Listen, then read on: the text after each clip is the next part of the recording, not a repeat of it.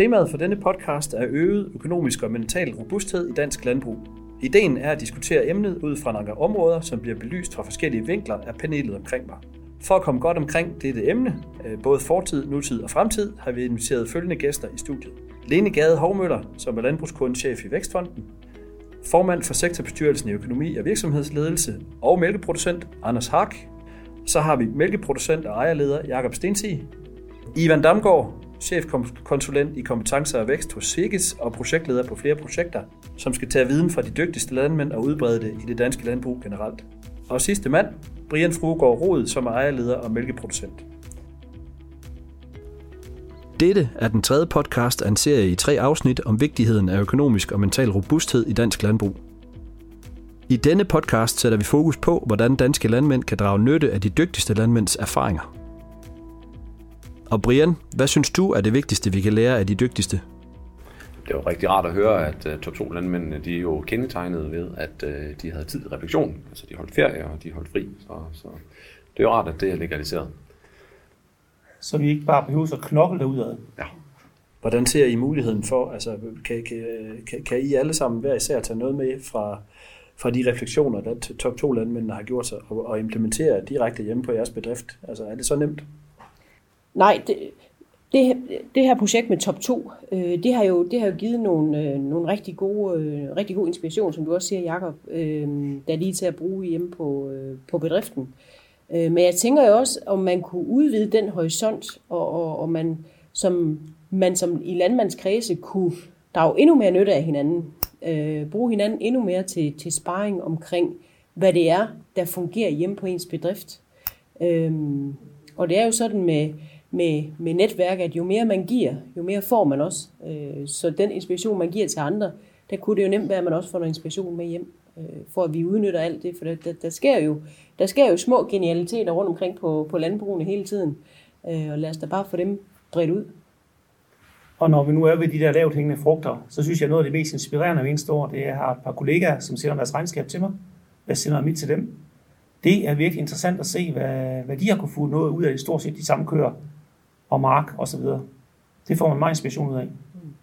Så når I sidder og kigger på hinandens regnskaber, så dukker der en masse spørgsmål op. Hvad har I gjort her? Hvad er tanken bagved? Og det, kan I så, øh, det, det får I så ud i det åbne. Det mailer vi frem og tilbage og stiller spørgsmål, og hvordan susen har du gjort det og det? Og så videre. Det, det tror jeg sådan set, at det, det rammer mig endnu mere, end når min økonomikonsulent gør det. Fordi det er andre med, med hånden på kogepladen, der står i samme situation som med de samme overvejelser. Præcis. Øh, jeg synes øh, også noget af det, der har været spændende ved top 2, det var, at i dansk landbrug har været sådan meget præget af, at der var ikke rigtig nogen profil, når vi sad. Jeg har arbejdet meget med de unge mennesker, og jeg har sådan et standardspørgsmål, og siger, hvem er det egentlig gerne vil spejle jer i? Ikke fordi man skal lave copy-paste af andre virksomheder, men det er altid rart at have nogle, nogle lys derude, som man ligesom kan sige, der kunne jeg egentlig godt tænke mig at køre den retning. Og det vi har opnået efter top 2, når vi kommer ned på Erhvervsakademiet i Aarhus, og, og så fortæller omkring top 2, så kommer en eller anden gejst og siger, hold da op, der er nogle spændende ting, som jeg egentlig godt kunne tænke mig, at det var mig også, der havde den der rolle i min virksomhed. Så lige pludselig så er det blevet sådan øh, legal, det at arbejde med, at vi faktisk kan lave nogle virksomheder, der kan være lige så gode som ude i industrien eller i øh, andre erhverv.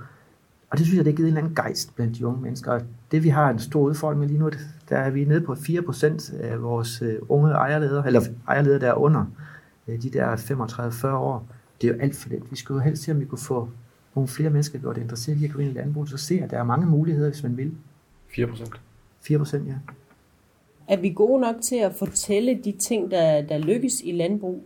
Eller kommer der for meget jantelov ind i det? Nu tænker jeg også på at dele de ting, vi faktisk er gode til, de genialiteter, der kommer rundt omkring på landbruget. Er der for meget jantelov til, at man går ud og fortæller om dem? Er vi gode nok til det i dansk landbrug? Fordi som du siger, det er jo egentlig, altså vi har 4 procent, øh, der er under 35, under 35 år. Øhm, vi, er jo også, vi skal jo også tiltrække endnu flere til dansk landbrug, unge mennesker, der vil det, og være direktør i dansk landbrug.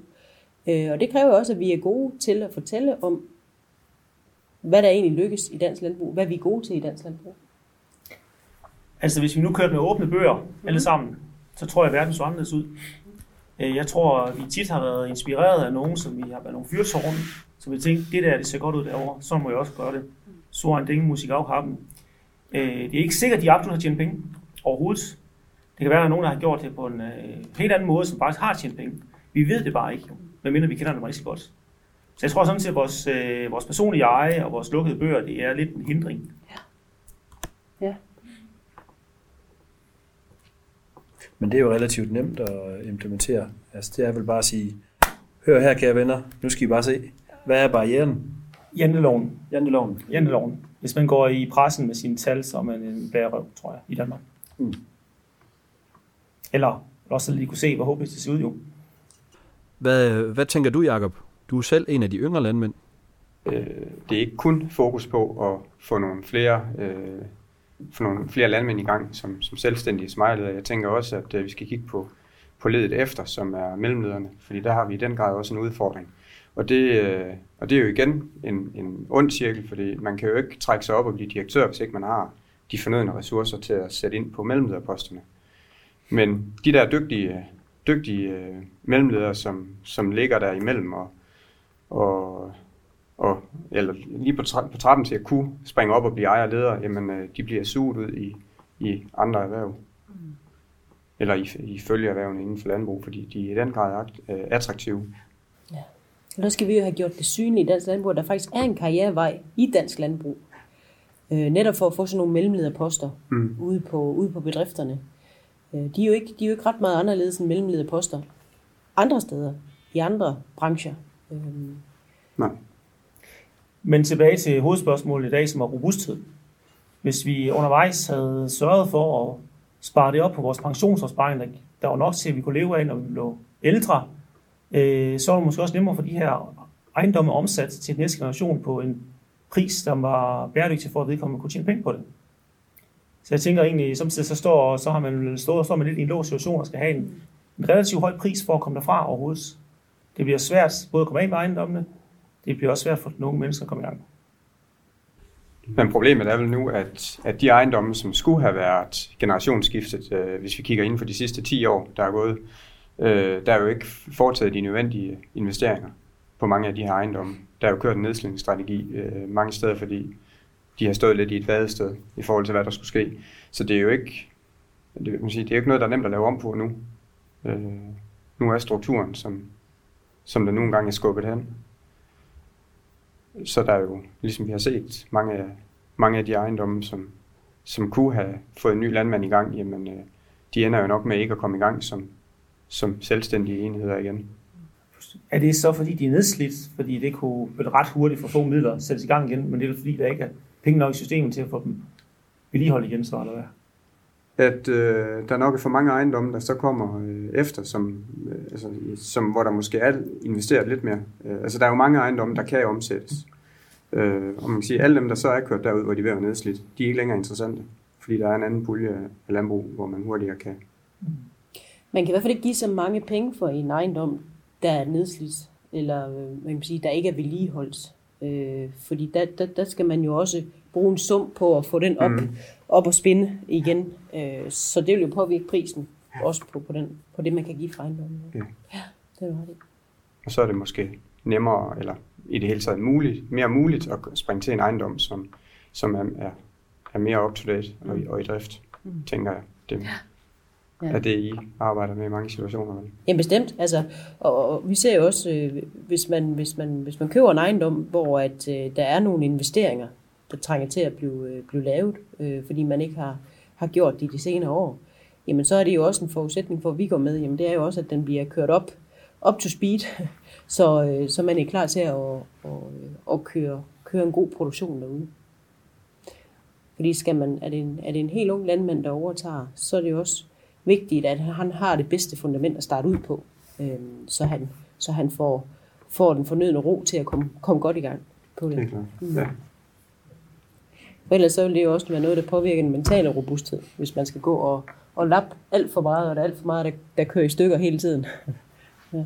Øh, hvis vi skal trække den lidt tilbage i forhold til den her, de her muligheder, der er for at, at tage ved lære af de erfaringer øh, af, af, af de dygtigste landmænd og blive dygtigere. Hvad, hvad, hvad, øhm, har I så andre input til, hvordan man kan, kan gøre og bringe de ting i spil?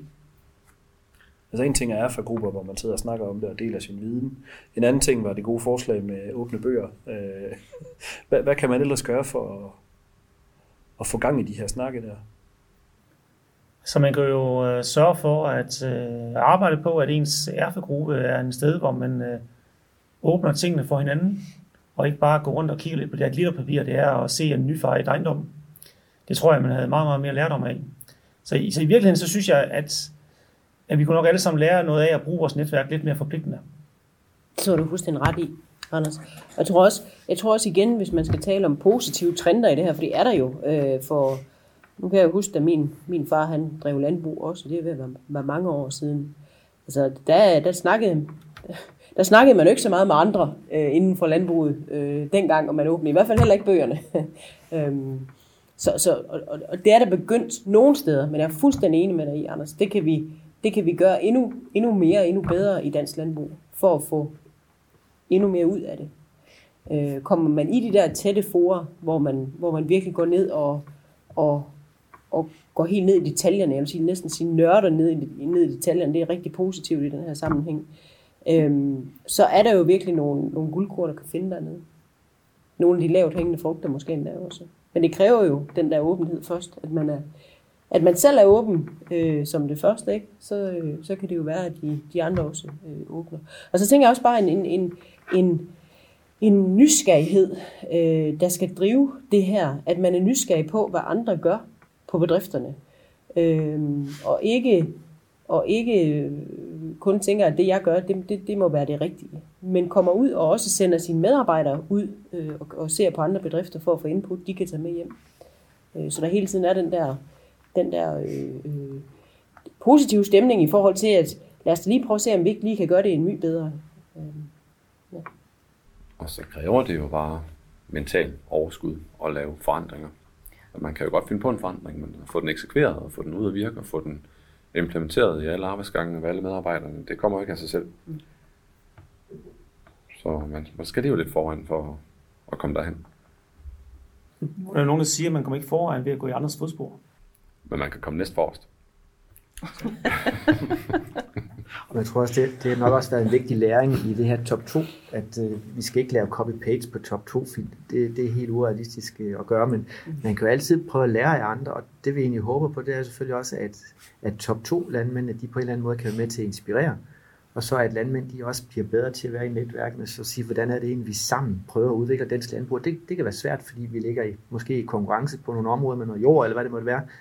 Men dansk landbrug mangler generelt ledelseskraft, og der skal vi prøve at hjælpe hinanden til, hvordan får vi det ud at virke. Og det kunne måske være noget, når man når op i midten af 40'erne, og så sige, jeg vil egentlig gerne være med i nogle bestyrelse eller noget advisory board eller et eller andet i dansk landbrug, og så giver man sin viden over til nogle unge mennesker, som egentlig kunne have glæde af det.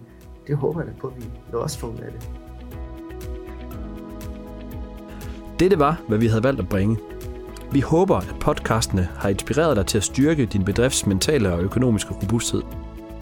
Hvis ikke du allerede har lyttet til de to foregående podcasts, så kan du finde dem på Sikkes podcast site sammen med en masse andre spændende podcasts. God fornøjelse.